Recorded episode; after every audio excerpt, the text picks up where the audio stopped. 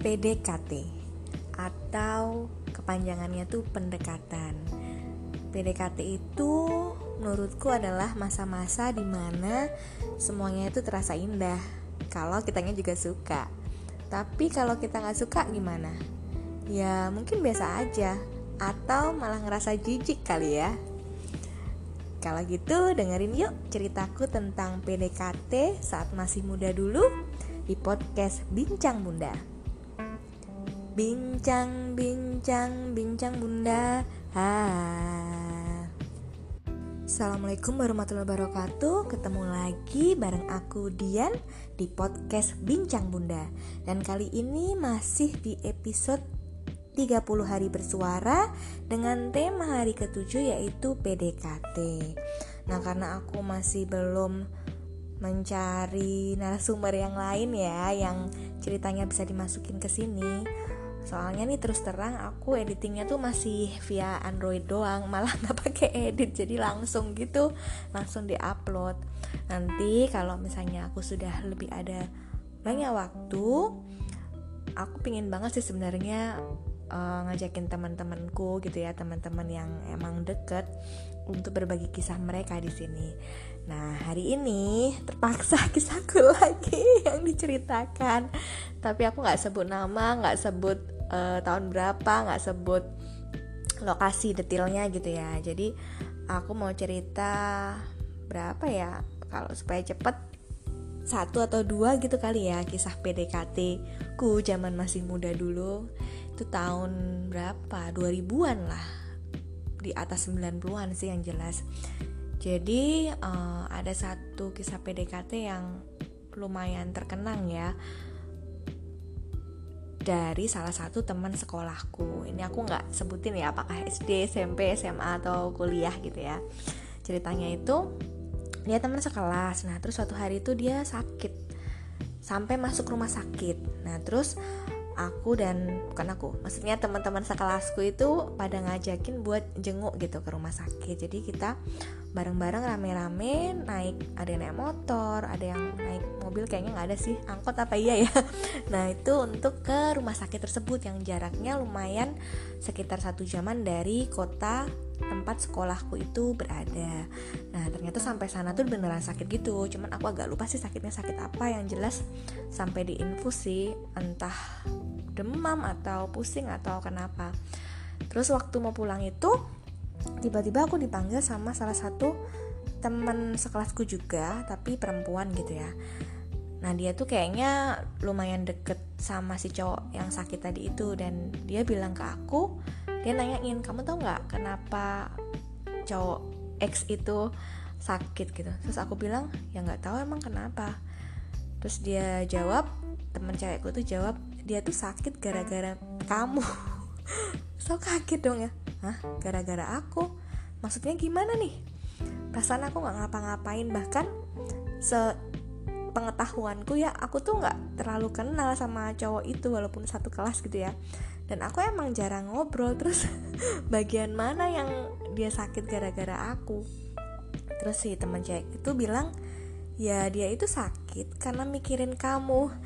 Aduh tambah lagi dong aku bingung maksudnya gimana nih? Mikirin gimana? Kayak seolah-olah aku nyakitin dia aja padahal aku aja jarang ngobrol sama dia gitu kan. Bahkan mungkin nggak pernah karena dia juga emang pendiam kan orangnya Nah terus si temen cewekku ini nambahin lagi nih. Temen cewekku bilang kalau iya soalnya menurut si cowok tadi itu Aku tuh cuek gitu loh cuek, dingin, jutek gitulah. Terus aku balikin lagi uh, Gimana aku gak cuek atau aku gak diem-diem aja? Lah Memang aku juga kalau misalnya ngobrol sama orang ya ketika udah diajak ngobrol dong. Tapi kalau misalnya emang gak ada bahan obrolan nggak ada yang diomongin ya. Maksudnya aku harus gimana nih? Masa aku harus sok-sok kenal gitu kan nggak mungkin juga gitu kan. Apalagi sekelas tuh waktu itu ada sekitar 40 orang itu kan banyak banget ya. Dan biasanya kita memang berinteraksi hanya dengan yang uh, memang ada ada perlunya aja kan. Artinya kayak misalnya satu kelompok tugas sekolah atau misalnya tempat duduknya deket gitu kan. Nah sedangkan kalau yang di luar itu ya aku juga ngapain juga gitu kan ngobrol lama-lama atau ngobrol hal-hal yang di luar pelajaran gitu kan. Nah terus balik lagi uh, akhirnya dari kejadian itu aku baru tahu kan oh ternyata orang orang ini cowok tadi tuh uh, apa punya rasa gitu kan istilahnya. Nah tapi semenjak hari itu dia jadi mulai berani tuh PDKT beneran yang tadinya mungkin cuma hanya memandangku dari jauh. Sosok aneh aku ya. Jadi mulai bisa PDKT beneran jadi uh, berani nelpon aku. Zaman dulu kan zamannya telepon rumah gitu ya kayak di film Dilan nama Milea dia berani telepon terus datang ke rumah juga bareng temennya sih temen sekelas kami juga. Terus uh, berani ngajak aku ngobrol di kelas ketika udah selesai pelajaran gitu sih. Dan ya itu menurutku ini ya ya lumayan inilah ada kemajuan gitu kan. Maksudnya ya dia nggak bisa bilang kalau aku nyakitin dia bikin dia sakit kalau emang nggak ada apa-apa kan. Dan aku nggak ngelakuin apa-apa ke dia gitu kan. Apalagi dia sama sekali nggak PDKT kecuali dia PDKT terus aku nolak dia gitu kan ya wajar gitu. Tapi pada akhirnya juga memang si cowok ini tuh PDKT-nya tuh kayak nanggung gitu loh kayak pahan jadi dia kayak gak jelas bukan gak jelas aku nggak tahu juga sih uh, pemikirannya atau hatinya tuh seperti apa ya. Tapi ada satu momen di mana dia kayak mau nembak gitu di telepon dia bilang aku, oh Yan aku mau ngomong uh, serius gitu kan.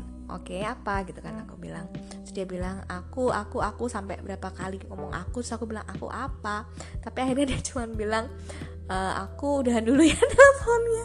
Kayak gitu coba. Dan setelah kejadian itu tuh uh, aku nggak ingat juga ya awalnya gimana. Akhirnya tuh dia ngilang gitu aja dari kehidupanku karena memang uh, pada akhirnya di waktu tersebut beberapa bulan mungkin ya setelahnya aku uh, jadian sama orang lain yang beda sekolah gitu. Dan PDKT-nya memang beda. Maksudnya orang yang jadian sama aku tuh kelihatan kalau bukan orang yang amatir dalam percintaan gitu loh. Jadi dia tipe orang yang PDKT dengan lebih percaya diri terus lucu kayak gitu dan uh, apa menghujaniku dengan banyak hadiah waktu itu. Hadiah di zamannya. Di zamannya tuh kayak coklat gitu gitulah uh, makanan ya. Makanan yang jelas bukan pulsa hadiahnya. Itu deh. Ada satu cerita PDKT lagi sih sebenarnya yang uh, menarik dan seru gitu kan. Karena ini cerita PDKT ku sama suami jadi PDKT-nya kita tuh online gitu online via Yahoo Messenger. Nah, itu memang hits ya di zamannya ya Yahoo Messenger itu. Ini kalau misalnya ada orang yang denger mungkin ngakak-ngakak kali ya ketawa kok bisa sih sama sekali nggak pernah ketemuan loh jadi aku sama suamiku tuh dulu PDKT-nya via YM kita cuman chatting-chattingan doang kalau di sela-sela uh, kuliah gitu ya. Jadi misalnya aku lagi nunggu perkuliahan berikutnya terus aku ke warnet kampus ada yang di dalam kampus gitu kan. Zaman dulu tuh belum pakai Android jadi nggak bisa yang ngenet via Android gitu. Jadi harus ke warnet sedih banget kan. Terus chatting via YM sampai hampir satu tahun bayangin lama banget. Dan kita tuh juga kirim surat-suratan gitu via email tapi ya. Via emailnya Yahoo juga sih kayaknya. Kirim surat via email terus dibalas via email sama sekali nggak pernah ketemu PDKT-nya seperti itu. Sampai suatu ketika itu aku curhat sama sobat cowokku di kampus gitu kan. Beneran sobat ya ini emang nggak ada perasaan apa-apa. Dan sobatku tuh bilang ya ampun serius ya kamu belum pernah ketemu. Padahal satu kota cuman jarak sekian kilometer doang gitu ya ibaratnya kampusnya sama kampusku. Tapi dia sama sekali nggak pernah ngajakin ketemuan dan sama sekali nggak pernah berniat untuk ketemu entah dia datangin kampusku atau dia datangin rumahku gitu sama sekali nggak ada selama satu tahun itu.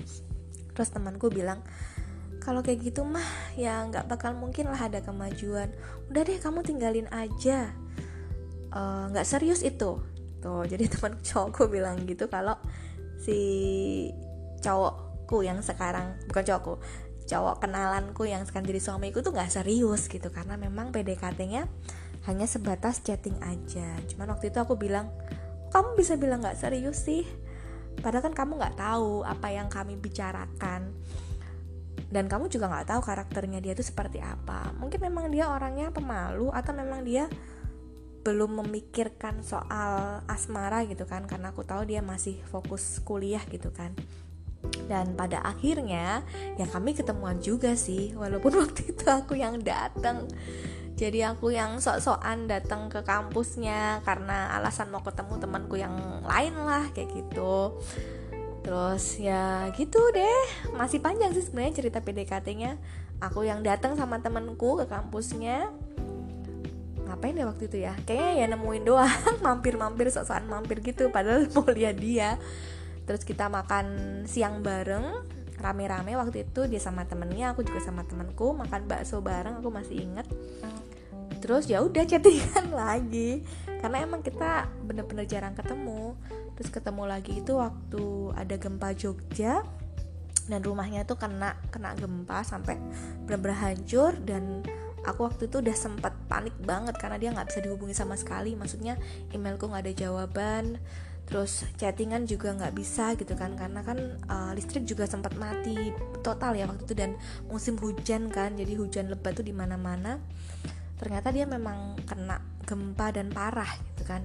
Akhirnya aku sama teman-temanku itu waktu itu memang kita keliling ya keliling Bantul untuk ngasih bantuan ke teman-teman sekolah zaman dulu Nah salah satunya aku maksa tuh maksa temanku pokoknya kita harus ke rumahnya kita harus ke rumahnya karena aku mau lihat keadaannya gitu kan. Dan ternyata pas aku lihat tuh ya ampun aku sedih banget ngeliat dia luka-luka rumahnya hancur rata dengan tanah dan dia tidur di tenda. Nah itu kayaknya pertemuan kedua kami apa ya. Nah selanjutnya kisah PDKT berikutnya ya kayaknya ngalir gitu aja sih. Maksudnya emang jarang ketemu gitu. Begitupun setelah lulus kuliah dia akhirnya kerja di luar kota dan aku masih di kota tempat tinggalku. Tambah lagi tuh jarang ketemunya. Tapi itu nggak masalah sih karena waktu dulu kan uh, udah mulai ini ya lumayan ada teknologi. Artinya bisa telepon teleponan bisa smsan belum ada whatsapp sih waktu itu. Jadi kayaknya via sms ya seingatku. Gitu. Panjang nih udah sampai hampir 13 menit jadi aku mau bilang kalau sebenarnya ya tiap orang itu punya caranya masing-masing sih buat PDKT dan biasanya cara itu tuh terlihat dari love language-nya dia. Jadi kalau misalnya kamu nonton startup itu kelihatan kan Pak Han itu love language-nya itu atau bahasa cintanya adalah uh, apa? memberi servis gitu kan. Jadi dia kayak matiin AC waktu dalminya kedinginan atau kepanasan ya dan Mia kepanasan terus dia dinginin AC gitu. Terus kemudian dia benerin presentasinya Dalmi. Dia bukain botol air mineralnya Dalmi gitu kan. Nah sama. Semua orang tuh secara nggak sadar saat mereka PDKT mereka menggunakan bahasa cintanya gitu. Ada yang bahasa cintanya memberikan hadiah. Kayak tadi ya mantanku tuh tipenya tuh suka ngasih hadiah banyak banget yang dia kasih waktu itu ada anting segala padahal dia belum kerja ya. Ngasih anting ngasih bunga ngasih coklat ada beberapa benda juga yang dari dia kayak boneka kayak gitu. Itu bisa dilihat sih. Kalau love language, love languageku sendiri apa ya aku jadi bingung. Kayaknya ini deh kata-kata gitu ya. Makanya aku terpesona nih sama calon suamiku walaupun nggak ketemu tapi dia memberikan kalimat-kalimat yang bikin aku merasa meleleh gitu ya merasa dicintai akhirnya ya itu jatuh cinta juga. Oke gitu aja untuk hari ini. Terima kasih sudah mendengarkan podcast Bincang Bunda. Wassalamualaikum warahmatullahi wabarakatuh. Bincang, bincang, bincang bunda. Ha.